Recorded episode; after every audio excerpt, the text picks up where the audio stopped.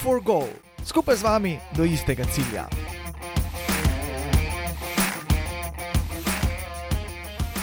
Spoštovane poslušalke, spoštovani poslušalci, športni in drugi navdušenci, dober dan, pozdravljeni v novi oddaji športnega podcasta Go for Goal. Moje ime je Dušan Poslek eh, in danes bom v svoji družbi z velikim veseljem pozdravil in pozdravljam eh, Roka Možiča. Zdaj, roka zagotovo uh, ni potrebno uh, podrobno predstavljati. Rok je eden izmed najperspektivnejših uh, mladih odbojkarjev na svetu. Uh, trenutno je igralec odbojkarskega kluba Merkur Maribor.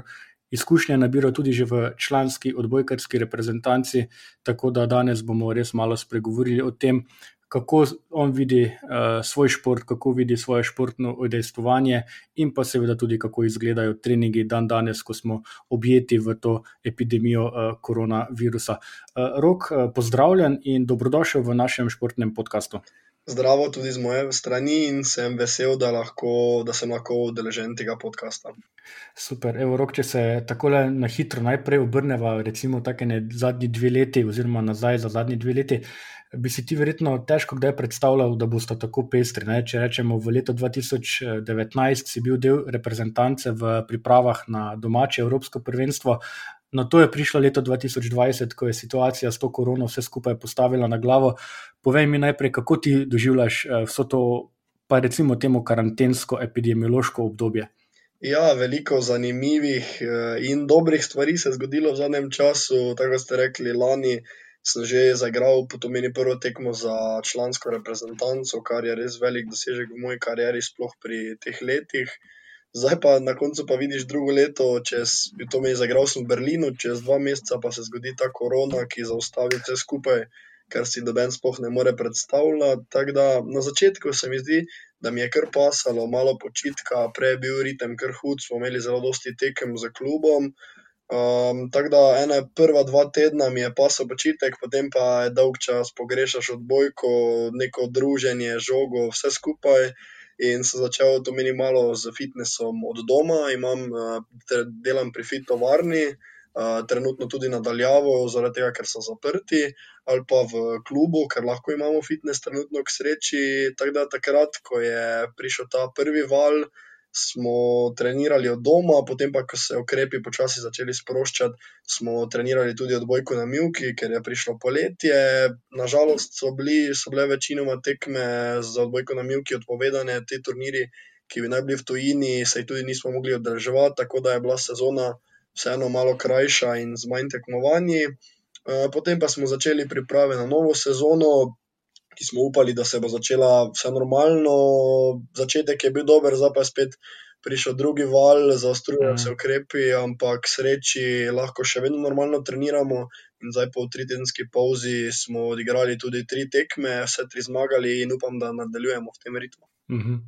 Tako, ne, dejansko, če gledaš eh, klubsko formo, uh, vas ta pauza, prisilna pauza, ni prehudo prizadela, bi lahko rekli. Ne? Ja, že pred to meni prisilno pauzo smo imeli zelo dober ritem, mislim, smo zmagali nekih sedem tekem zapored, zdaj pa to meni pauza nas ni uničila, sicer smo imeli. Uh, pet bolanih, to pomeni pozitivnih, in smo bili tudi nekaj časa sami v karanteni, smo se mogli malo paziti. K sreči, sam uh, še nisem bil bolan, res moram biti uh, zelo vesel.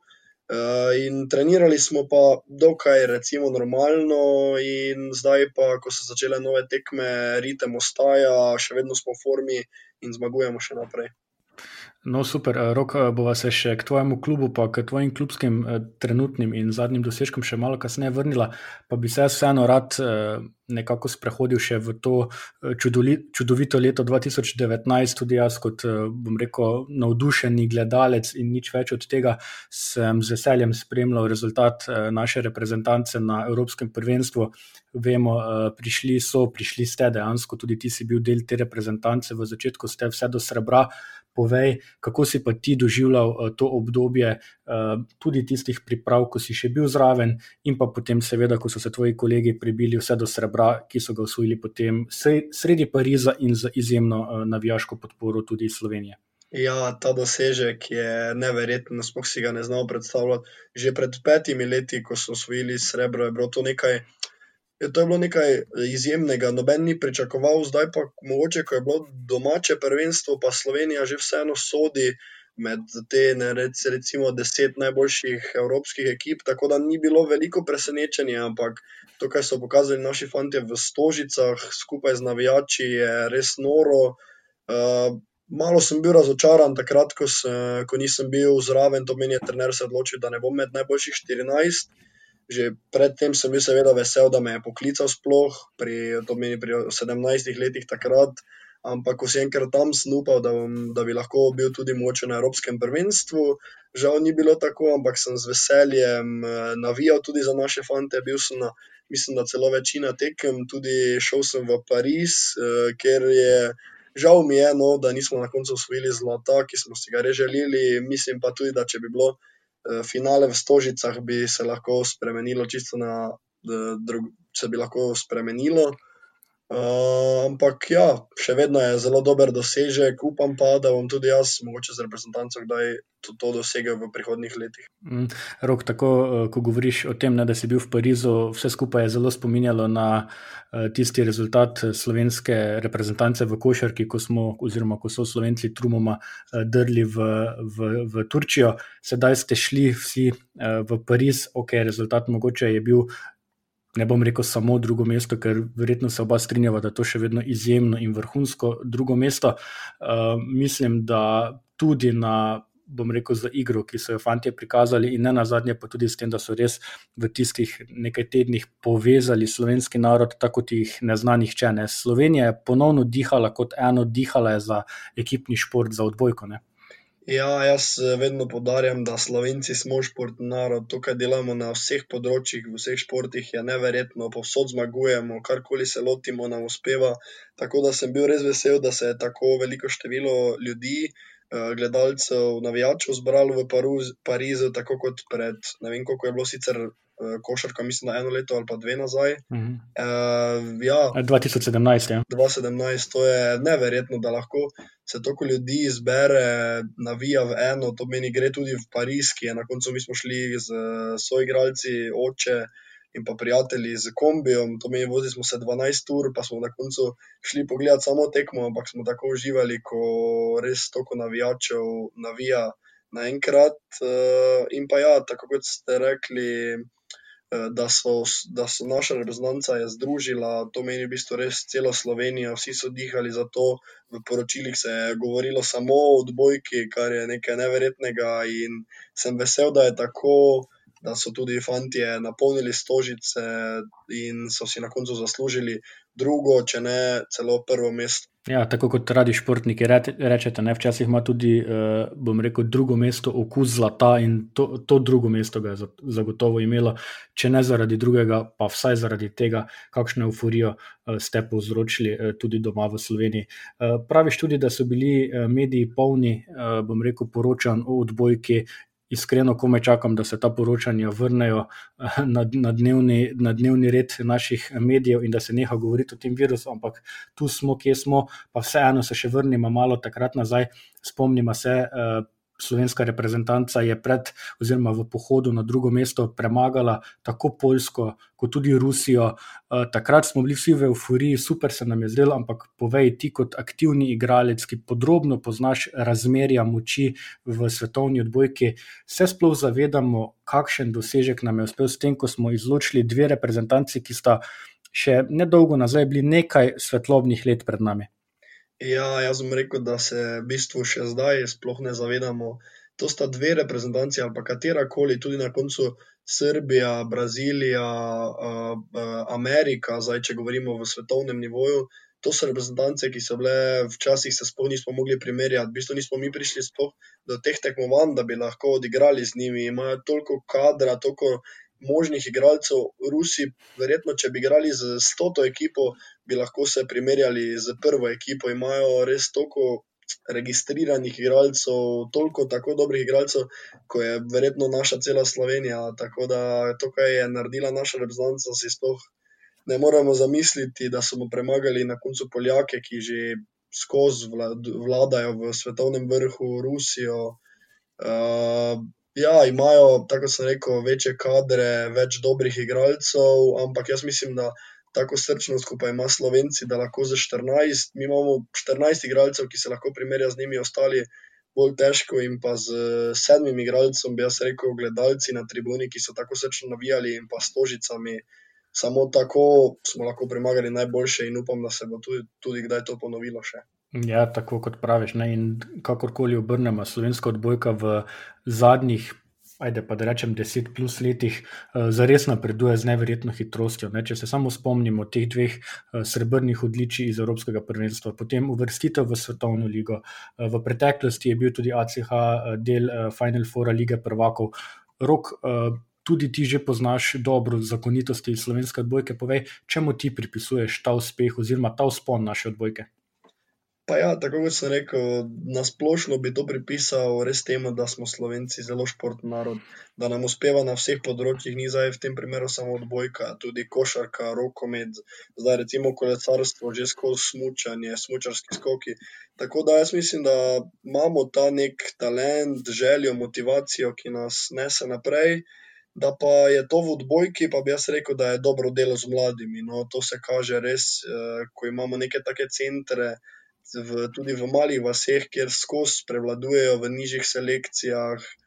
Uh, in potem pač pride neka taka generacija, kot je ta z uh, trenutnimi igralci, to meni Urna, Čebul, Pajen, Vinčič, ki se je res poklopilo tako, kot je treba, da so na koncu osvojili dve medalji in da se lahko kosamo tudi z najboljšimi reprezentancami, ki so vrhu že skozi. Mm -hmm. Ja, res je. In če zdaj, pa tudi ne glede na to, da je že več kot leto dni od tega, seveda še vedno uh, lahko rečemo samo iskrene čestitke vsem, ki so nas pripeljali tako daleč, da smo tu, ker smo ne na zadnje, smo tudi del uh, svetovne lige v odbojki. Uh, zdaj bomo videli, kako bo naslednje leto z temi tekmovanji. Ne vem, imaš ti kakšno informacijo, verjetno si bliže informacijam kot mi, ampak kako kaj kaže z odbojko v naslednjem letu tudi na mednarodni ravni. Pa jaz sem slišal sem samo nekaj, ko je Tina Urnaut govoril o tem, da bi mogoče bilo tako, kot je bil NBA, to meni kot mehurček, nekaj v tem stilu.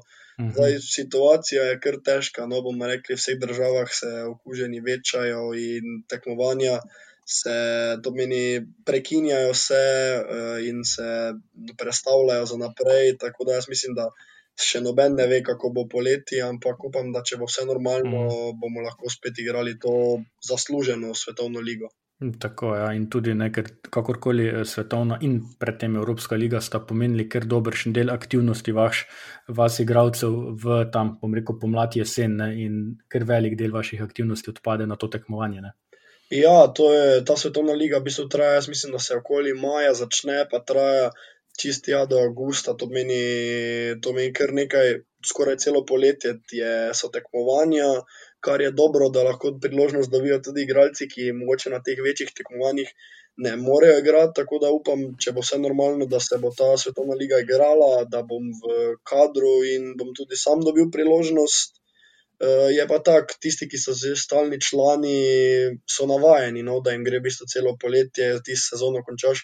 Uh, aprila imaš mogoče teden do dva pauze, potem pa že takoj nadaljuješ z reprezentanco, sedaj do avgusta, kjer imaš tudi mogoče teden do dva pauze, potem pa se nadaljuje liga. Tako da ritem je takšen, je pa sedaj takšno stanje kot je s korono, se imajo igralci več pauze, tudi marca so imeli več pauze, kar je morda tudi za vse dobro, da bo manj poškodb. Ja, tako je, ja, tempo v, v odbojki je res izjemen. Verjetno ne vem, no, toliko zdaj malo razmišljam, ko si razlagal, če še kateri drugi šport, ki bi tako, bom rekel, konstantno imel nastope za igralca, recimo, ki se odloči, da bo igral tako vsa prvenstva, potem svetovno ali pa Evropsko ligo in potem spet prvenstvo praktično ni počitka in nekako lahko potem razumemo tiste, ki si po nekaj letih odločijo in si vzamejo kakšno poletje zase, zato da sanirajo poškodbe in da se posvetijo tudi na nazadnje družini. Ne, ne moramo jih obsojati, recimo, če kakšno poletje enostavno spustijo. Ne.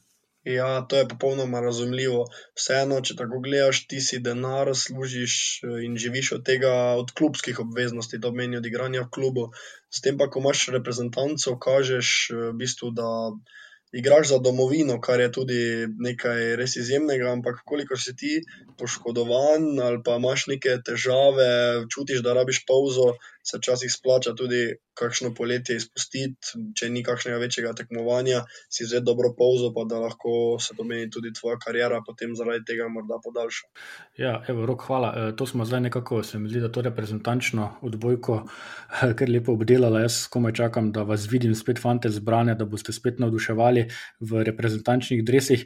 Bi pa rad zdaj s tabo šel malo nazaj. Ne? E, malo kdo ve, no, oziroma vsaj jaz nisem vedel, sem pa izvedel v pripravi na to snemanje, da si ti v preteklosti treniral tudi smočarske skoke, drži?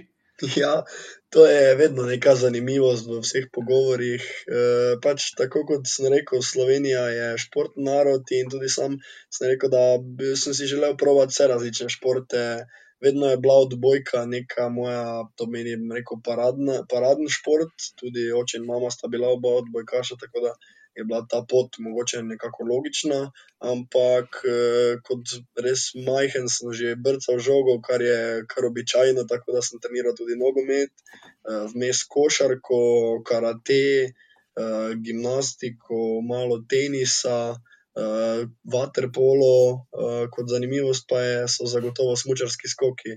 Vedno ob nedeljah ali sobotah, ko so bile tekme, smo z družino gledali in sem si rekel, to bi jaz tudi rad probal. Tako da smo tu v bližini potem našli eno smočarsko skakalnico in tudi klub, kjer sem lahko treniral. Ne vem točno, koliko sem bil star, ampak uh, treniral sem pol leta. Eh, pa sem pa rekel, da mogoče vseeno to ni za mene, tudi strah, strah me je bilo, ko bi moral iti na večjo skakalnico. In sem se potem vseeno odločil za odbojko. Mm -hmm, ampak tako le, če, če poznamo zadevo, to jesen sta ponovno navduševala eh, naša šampiona, eh, Primoš Roglič, Tadej Pogačar in Primoš je med drugim tudi. Ne, poznamo vsi te zgodbe okoli njegove skakalne kariere, padca v planici in sedaj tega vrhunskega rezultata, ki jih dosega. Tako da ne na zadnje, eh, smočarski skoki so lahko tudi dobra odskočna deska za, eh, bom rekel, doseganje rezultatov v kakšnem drugem športu, ne primožu v kolesarjenju, tebi pa v odbojki. Pa ja, vseeno, že če ti imaš eh, za smočarske skoke, zagotovo potrebuješ dober odriv, to meni, to ti pomaga, recimo pri odbojki. Pri možu pa očitno pri kolesarjenju, že pravijo, da ima tako dobro srce in pa vzdržljivost, tudi dobro regeneracijo, tako da to mogoče ni zdaj, tako bomo rekli, niso značilnosti za smočarske skoke. Tako da ima, mislim, mora biti vesel, da se je odločil na koncu za kolesarstvo, ampak vseeno imamo v Slovenci toliko. Vrhunskih smočarskih skakalcev, da jaz mislim, da se na neke mlade športnike, mlade, ki se odločajo za šport, jih vseeno privabijo tudi smočarski skoki, morda uh, vseeno tam bolj na Gorenskem, ker imajo tudi večjo možnost za uspeh. Evo, drži, ja, super istočnica, zdaj prihaja zima, bomo videli, kako bo s mučarskimi skoki. Uh, mi tudi računamo, da bomo dobili v tej zimi kakšnega sogovornika tudi iz teh vod, ampak vseeno, uh, omenil si en kup športov, ki si jih treniral, ki si jih poskusil.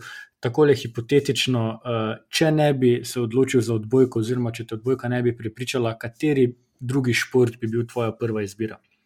Tudi, recimo, da bi se mu lahko posvetil v profesionalnem smislu. Ja, jaz vedno pravim, da bi to bil vseeno nogomet. Bil sem kot, mislim, da pri U8, to pomeni do 8 let, sem bil Golman. Bil sem tudi na dveh ali treh turnirjih, celo izbran za najboljšega Golmana, tako da sem se kar dobro znašel tudi v teh vodah. Eh, in mislim, da če, bi, če, bi se odloč, če se ne bi odločil za bojko, bi se odločil za nogomet. Eh, tudi moj deda je pravil skozi, ker imamo doma pri babici, igrišča za bojko na Mjuki. In je do tam 10-12 leta skozi pravil, še vedno je možnost, da podremo igrišča in postavimo nogometno igrišče. Tako da imel možnost, da bi se odločil tudi za nogomet, morda bi zdaj bil. Uh, že zelo dobro to meni finančno priskrbljen, glede na to, kakšni denari se vrtijo v nogometu, ampak sem zadovoljen, da sem se odločil za odbojko, saj imam najrajši ta šport. Ok, razumljivo, ne? Maribor in nogomet eh, neločljivo povezana tudi pri tebi. E, takole, ko omenjaš, e, bom rekel. Svojo kariero, oziroma to, da igraš odbojko, trenutno si član uh, odbojkarskega kluba Merkur Maribor. Povej, kako se počutiš v Mariboru? Vemo, da nogometaši v Mariboru so tu zelo cenjeni, kljub je poln, bom rekel, vse možne pozornosti. Kako pa živiš ti kot igralec odbojke tukaj v Mariboru? Kakšna sredina ti predstavlja Maribor tudi za razvoj in za morebiten napredek? Pa jaz sem vesel, da sem doma, to meni, sem v Mariboru, uh, rad imam to mesto, všeč mi je. In, ampak vedno še vedno podarjam, še vedno je Maribor nogometno mesto. To meni, največji rezultati se dogajajo v nogometu, Liga prvakov. Sicer imamo tudi zdaj veliko drugih klubov, ki hoče Maribor zriniti z prestola, ampak jaz mislim, da bo Maribor še vedno ostal, to meni, številka ena v slovenskem nogometu.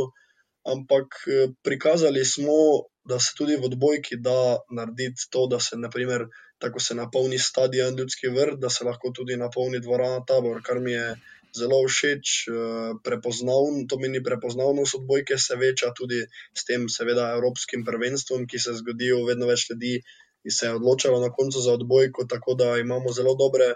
Uh, mlade igralce, veliko to meni zmag, uh, državnih prvakov dosegamo na, v mlajših selekcijah, tako da kaže se, da klub dela dobro.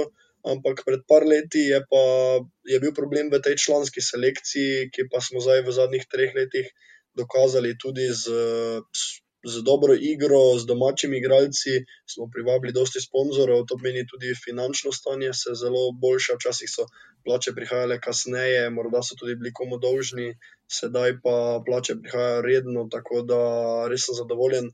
Da je stanje tako, kot je trenutno v klubu.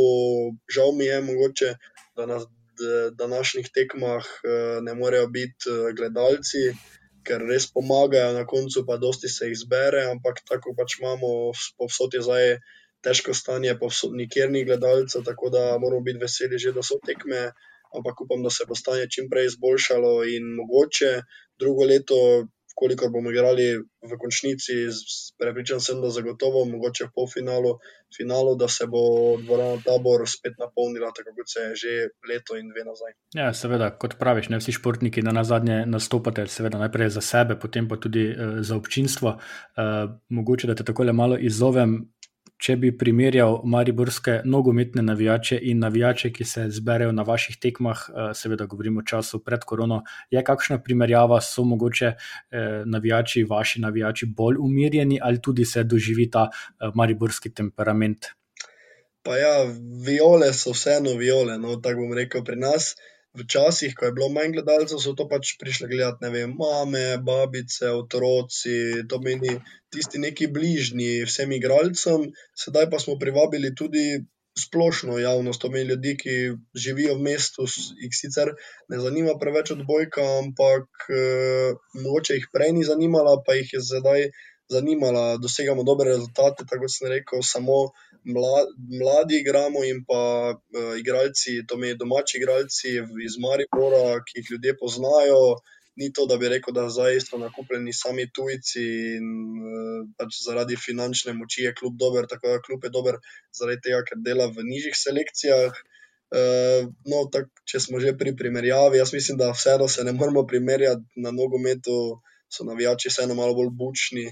Eh, tukaj pa, kolikor se je kakšna končnica, se dogajajo dobre točke, skozi je neka akcija, pa se tudi navijači razveselijo, grejo na noge in bučno navijajo za nas in za dobre točke. Ja, torej, navijači tudi v odbojki znajo zelo dobro ceniti dobre predstave, in veseli smo, da jih tudi ti navdušuješ iz tekme v tekmo. Za vse tiste, ki nas poslušate, ki želite videti, eh, so tudi. Uh, vrhunci, tudi rokovih potez, lahko jih dobite na športni agenciji oziroma na spletni strani na Facebook profilu ProElium športne agencije. Tam se lahko pogledate vse vrhunce eh, rokovih eh, točk in točk eh, od bojkarskega kluba Merkur Maribor. Um, rok takole. Um, tvoja športna pot, ne veliko strokovnjakov, takšnih in drugačnih, o tem bi tudi lahko sicer debatirali, ampak vseeno je bilo nekako prepričano, da bo že letos poleti zapustil Maribor in se preselil v tujino. Verjetno zanimanje je bilo, pa me zanima, kakšen je pa tvoj pogled na, na takšno morebitno selitev, oziroma kakšne so tvoje želje, kje se vidiš v, v prihodnje, v vem, naslednje leto, čez dve, tri leta.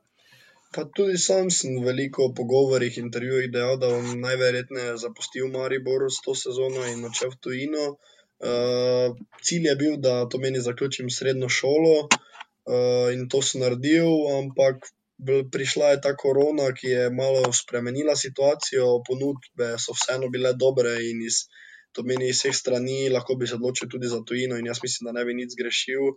Ampak tako, ko pa zdaj vidimo, kakšna je situacija, lige se prekinjajo, nekje se sploh ne more trenirati, to imamo mi srečo, da se lahko, in pa trenutno vseeno smo še vedno doma. Zdaj, da bi mogel biti nekje v karanteni, v nekem stanovanju v tujini, bi, zelo, bi mi bilo zelo, dosti težje, kot pa tudi, da sem doma še vedno s prijatelji, ki se pač, koliko toliko, še vedno lahko družimo. Uh, imamo Moj pogoj je bil, da ostanem tudi, kolikor se ohrani ekipa in pa doda kakšne posameznike, to meni, tako da dodali smo enega novega korektorja in pa spremalca. Zadovoljen sem, kakšno ekipo smo sestavili, zelo dobro se razumemo tudi s tujci, dobro igramo trenutno, ampak naš cilj je priti na vrh ali pa vsaj finale. Tako da mislim, da če bomo nadaljevali s tem ritmom uh, in pa to željo, motivacijo, ki kažemo na treningih, lahko premagamo. Eh, tudi najboljše. Tako, če te prav razumem, ne čas za prestop, čas za drugi klub, za klub v tujini bo še prišel, ampak eh, recimo vseeno. Uh, Če bi lahko zdaj sam izbiral, pa pusti pa mogoče to finančno plat samih prestopov, tako le v kateri klub bi si želel iti in zakaj. Pa, pa ne govorim samo o denarju, mislim tudi o tem, da te pripriča z organiziranostjo in tako naprej. Ja, jaz mislim, da trenutno je najboljša liga italijanska, pa ne samo po, mislim, ne samo v financah, tudi po kakovosti odbojke in pa po kakovosti organizacije klubov, kar je na koncu tudi zelo važno za nekega mladega igralca, ki gre v tujino. To pomeni, da imaš ti tam celotno podporo, vre, dobro stanovanje, ne vem, avto, prehrano, kondicijskega trenera, masera. Eh, da lahko res si potem v najboljši formi, in pa če se ti tudi kakšna poškodba priredi, da te lahko tam zrihtajajo in čim prej lahko spet nadaljuješ z igro. Tako da to je, jaz bi rekel, da je to zelo važno, ampak na koncu za mladega igralca je zelo važno, to meni ne, da dobi neke, ne vem, zelo dobro, zelo dobro ponudbo finančno, ampak da dobi klub, v katerem uh, bo čim več igral. Najbolj zelo važno je tudi, da je trener dober, to pomeni, da te še kaj nauči uh, in ti lahko pomaga tudi v težkih trenutkih. Ampak jaz mislim, da je najbolj pomembno na koncu, da ti igraš, da dobivaš priložnost, to pomeni, da si tam. Tretji do drugi spremalec, to meni ali si skozi v prvi postavi, ali pa se moraš boriti za njo. Uh, tako da samo s tem dobivaš nove izkušnje in lahko postaješ vedno boljši in boljši igralec. Zanimivo. Ne? Eh, pred časom je bil uh, gost v tem športnem podkastu tudi uh, Jan Ternjak. Vemo, uh, tudi ti si del te ProElium uh, športne agencije, kjer ti pomagajo na tvoji športni poti. Jan je takrat v enem zelo uh, fajnem pogovoru predstavil njihovo delo. Me pa zanima, zdaj še mogoče malo tvoj vidik tega, kaj za te pomeni, da recimo tudi tebi pomaga in bdi nad tvojimi potezami tudi uh, ena ekipa strokovnjakov, ki ti pomagajo tudi pri tvojih odločitvah. Ja, jaz mislim, da je to tudi zelo pomembno. Uh, ni, prej, mogoče nikoli nisem gledal tako na to, dokler nisem res dobil te pomoči. Tako da sem vesel, da sem v tej agenciji, da imam okoli res ljudi, ki mi pomagajo, da sem lahko dobil pomoč tudi v fitnessu, da imam tam svojega osebnega trenera, kjer mi res točno ve, kaj je dobro za mene imam tudi, to meni pomoč glede prehrane, glede fizioterapije, glede to meni psihologije športa, imam tudi svojega psihologa, s katerim se dobivamo. Tako da to prej ni bilo mogoče, nisem, nisem niti toliko povezal, da bi lahko to vse povezal, oni pa so res. Odgovorni samo za to, in jaz mislim, da je zelo pomembno tudi sedaj, vedno bolj socialna mreža, glede na to, kako je zdaj stanje, ljudje so doma, gledajo samo na Instagram, Facebook, splet in res tam te najbolj opazijo. Pa da lahko tudi potem moraš razmišljati, kaj boš delal po karieri. Zdaj probaš si v karieri narediti čim več denarja, da lahko živiš tudi pol, ampak ko se enkrat karijera konča, moraš ti. Se odločiti, kaj boš nekaj delal, in če si ti že med kariero, imaš strokovnjake, ki so ti pomagali na tem področju, moče snimaš kakšne reklame, in že od tega dobiš kakšne finance in pa se uvajaš v nekem poklicu, že med kariero, ti je potem po karieri dosti lažje in tu so res oni, ki mi pomagajo na tej, to meni, plati. Mhm, in vse tiste, ki želite prisluhniti pogovoru, pogovoru z Janom Ternjakom, vas povabim na našo spletno stran, da prisluhnete podkastu, kjer je Jan gostoval in predstavil uh, to svoje delo. Uh, Rok, takole, uh, si Mari Borčan, uh, si, uh, oziroma je najtrofejnejši slovenski klub, je iz Ljubljane, torej govorimo o ACH-ju. Uh, če bi prišla ponudba, bi bil za tebe kakšen zadržek kot Mari Borčana igrati za Ljubljančane? Pa večkrat sem že dobil to vprašanje, ampak jaz mislim, da, da je trenutno Maribor, uh, tako v odbojki, smo res naredili tako močen klub, da, da se mi zdi, da ta mogoče menjava ne bi bila najbolj pametna. Lahko bi, zaradi tega, ker sem tu, bi lahko isto nekje igral v Ljubljani, seveda je Ljubljana, štrudnutno, to meni ACH, še vedno jaz rečem, boljši klub od nas, ampak mogoče se to letos lahko tudi spremeni. Želim, če bi si želel s kom osvojiti državno prvenstvo, bi si to zagotovo želel z domačim klubom, z Mariborom, ampak ni pa tu, da bi jaz rekel nekega rivalstva ali pa da bi rekel Ljubljana, Maribor, da zaradi tega se ne bi mogel odločiti. Vseeno, koliko bi prišla neka dovolj dobra ponudba in pa da bi tam res sestavili dovolj dobro ekipo tudi za. Ligo prvakov, se ne bi imel, mislim, mi ne bi bilo problem se odločiti tudi za to. Verjetno smo vsi tisti, ki vaše športne dosežke spremljamo bolj preko televizije ali pa iz tribun, imamo dosti bolj takšna, bom rekel, vprašanja o tem, kako bi, kaj bi, če bi, medtem ko vi športniki, pa vedno znova se jaz o tem prepričam, uh, imate dokaj jasno izoblikovano sliko in to je, uh, da je vse podrejeno športnemu uspehu in bistveno manj temu, kdaj in za koga igraš. Ampak vseeno, no, ko takole se delamo neko primerjavo, uh, uh, bom te še vprašal tole, čeprav vem že vnaprej, da na tem vprašanju verjetno ne boš navdušen, ampak vseeno uh, v medijih lahko preberemo tudi primerjave med tabo in pa med uh, Luko Dončičem. Ne vemo, kaj Luka Dončič pomeni za NBA, vemo, kaj pomeni za slovensko in svetovno košarko. Kako pa ti spremljaš uh, te primerjave, oziroma kaj sploh tebi pomenijo to, da te nekateri novinarji in podobno dajo v te verjetno tudi ne najbolj pravične primerjave z Luko. Pa jaz mislim, da to kaže, da sem na dobri poti. Če me primerjajo z Luko Dončičem, ki je zdaj, bi jaz rekel, top 5 najboljših košarkašov na svetu, bi jaz rekel, da je to zelo dobro, no, da kaže, da sem na pravi poti, da delam prave stvari, eh, da imam dobre odločitve, da igram, to meni tudi dobro.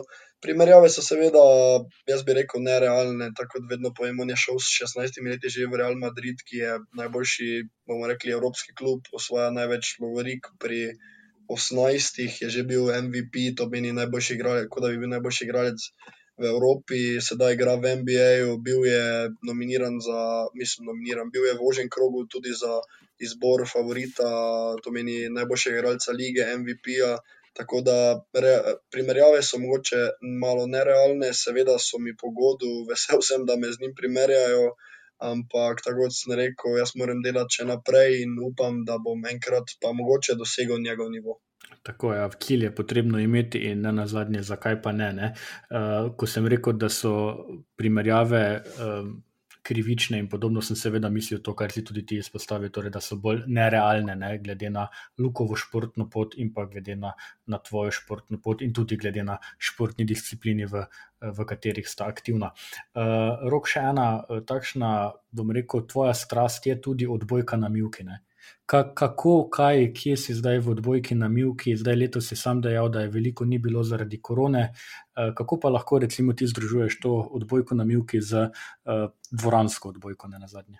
Ja, tako sem rekel, letošnja sezona je bila res bolj okrnjena, no, ni bilo dosti tekmovanj, tako da sem odigral samo uh, tri turnirje. Uh, en prvi je bil v tem okviru slovenskega prvenstva, uh, potem slovensko državno prvenstvo in pa mednarodni turnir, ki je bil v Ljubljani, ki je bil en izmed dveh ali treh turnirjev, ki so letos sploh bi, bili na svetovnem nivoju. Mm. Tako da večino teh najboljših igralcev je čez poletje si vzelo mogoče malo pauze, niso dosti trenirali tudi za zabavo, za neko potovanje.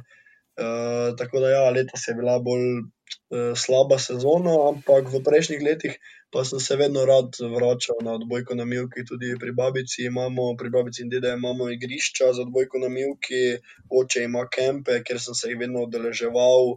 tudi bil sem že na več prvenstvih, to meni na enem svetovnem in treh evropskih prvenstvih, dosega tudi dobre rezultate, tako da dobro se znajdem tudi v odbojki na Milki. In sem že dobil vprašanja, kaj, bi, kaj bom izbral, ali bom odbojko na Milki ali dvoransko, ampak trenutno se bolj nagibam k dvoranski odbojki, sploh pa zaradi tega, ker je mogoče boljše finančno stanje in pa tudi um, sezona traja od avgusta pa do aprila, od, odbojka na Milki traja, ne vem, od mogoče aprila do septembra, nekje, tako da sezona je zagotovo krajša uh, in imaš vmes dosti več, uh, to meni nekega prostega časa, ker se ti, mislim, v tistem času ne, uh, nimaš, to meni ne zaslužiš nič, no, tako bom rekel. Ampak je pa zelo, mm. dosti boljša opcija iz te strani odbojka na Milki, ker ti potuješ po svetu, no, uživaš, greš na različne turnirje po celem svetu. Uh, in pa si v bistvu samo odvisen od sebe in pa svojega soigralca, ni toliko od ekipe, in pa veliko več dejavnikov se, pod, se, uh, se imaš v to meni v dvoranski odbojki. Ne? In problem, ki se pa nahaja za odbojko na Milki, je pa, da sedaj, ko bom verjetno član tudi članske reprezentance, če bo ti svetovna liga, se to prekriva in ne moreš igrati uh, hkrati odbojke na Milki in hkrati igrati za reprezentance. Tako da mislim, da ko bo prišla ta odločitev, sem odločil za člansko reprezentanco v dvorani. Tako odbojka na Milki pa bo ostala tista prostočasna strast za boj za sprostitev. Tako. Tako. Uh, rok, še ena stvar. No, uh, vem, spremljamo tudi po družbenih omrežjih, ker nekaj časa nameniš tudi različnim promocijskim dejavnostim, družiš se z otroki in podobno. Kaj za te pomenijo ti trenutki, ko verjetno tudi ti vidiš, da otrokom takšno druženje res ogromno pomeni, ko se srečajo z svojim vzornikom, z nekom, ki ga lahko drugače spremljajo samo preko televizijskih ekranov. Uh, kaj pa za te, recimo, predstavljajo takšna druženja, takšne aktivnosti? Ja, jaz se vedno sam spomnim, kako mi je bilo, ko sem recimo pobiral žoge na teh reprezentančnih tekmah. In sem vedno potem bil vesel, če sem dobil kakšen dres, podpis, uh, ne vem karkoli, da sem se lahko slikal z njimi. Tako da potem tudi sam namenjam čas za to, ker vidiš, kako je nekdo vesel, ko mu nameniš v bistvu neko tako malenkost, mu podpišeš. In tako s tem, ko razveseliš njega, razveseliš tudi samega sebe. Tako da to so, dogod, to so take stvari, ki jih moraš izpolniti kot športnik. Seveda, uh, probujem najti tudi uh, čim več časa za to, kolikor mi pač to dopušča.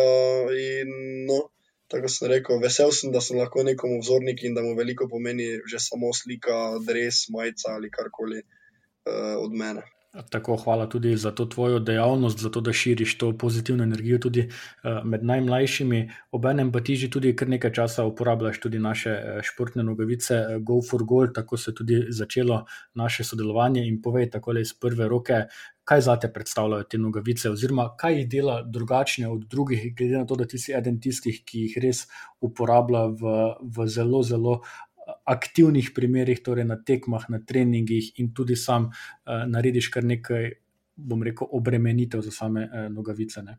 Kaj tudi za tebe pomeni sam ta brand, ta znamka GoForGol? Pa ja, zelo sem vesel, da, da so to meni, da delujemo z, z vami. Uh, ja, dobivam nogavice, nosim jih, jaz rekel, v bistvu skozi na vsakem treningu, na vsaki tekmi, res kjerkoli je možnost, jih imam gor, eh, res so top, bomo rekli. Pa tudi pomeni mi to zelo dosti, da lahko sodelujem, ker je to vseeno slovensko podjetje. Nekaj bi rekel, da sodelujem z nekom, ki je ne vem, neki dobre nogavice, ampak da je to naredil Slove, slovenec in lahko mi to podpiramo, širimo to idejo, ker je res, uh, nogavice so. Eh, zelo dobro zasnovane, zelo dobro vpijajo vlago, in pa mislim, da so tudi neka to stabilnost, pa ne drsijo noter v čevljih, tako da sem res uh, zelo zadovoljen z njimi, pa tudi ta novost, da so lahko dizajnirane, kakor si želiš. To meni, da bom jaz gor, recimo, RMDV, drugi imajo priimek, ime, ne vem, uh, zastavo, žogo karkoli, to je res nekaj inovativnega in vesel sem, da, meni, da sodelujem z GoForGol. No, tako kot si ti prej sam dejal, da ti veliko pomeni, da lahko se družiš z otroki in ko vidiš veselje na njihovem obrazu, ker spoznajo svojega vzornika, lahko jaz tudi v imenu celotne ekipe Go for Gold zagotovo rečem, da nam je eh, nekako največja pohvala ali pa največje veselje ravno to, da ste tudi vi eh, vrhunski športniki, zadovoljni z športnimi nogavicami, ki smo jih eh, za vas ustvarili. Tako, evo, rok, počasi smo prišli do konca tega najnega pogovora. Hvala ti za tvoj čas. Uh, moram povedati, da ta pogovor zaradi vseh ukrepov, ki trenutno veljajo, snemamo nadaljavo, ampak kljub temu uh, je bil zelo, zelo uh, prijeten. Rok, kamorkoli te bo ponesla tvoja športna pot, uh, zdaj sam si rekel, da je verjetno bolj proti dvoranski odbojki kot proti odbojki na Milki. Želimo ti vsi skupaj, da boš predvsem uspešen, da boš zadovoljen pri tem, kar počneš.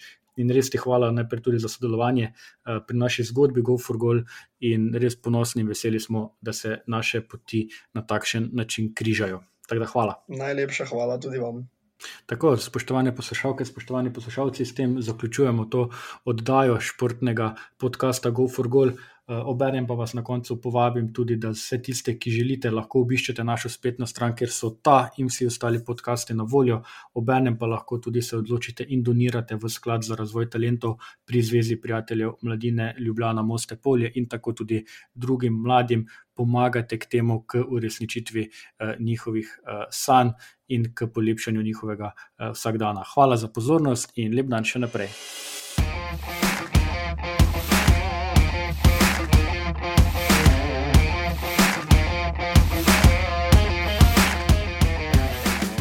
For Goal, skupaj z vami do istega cilja.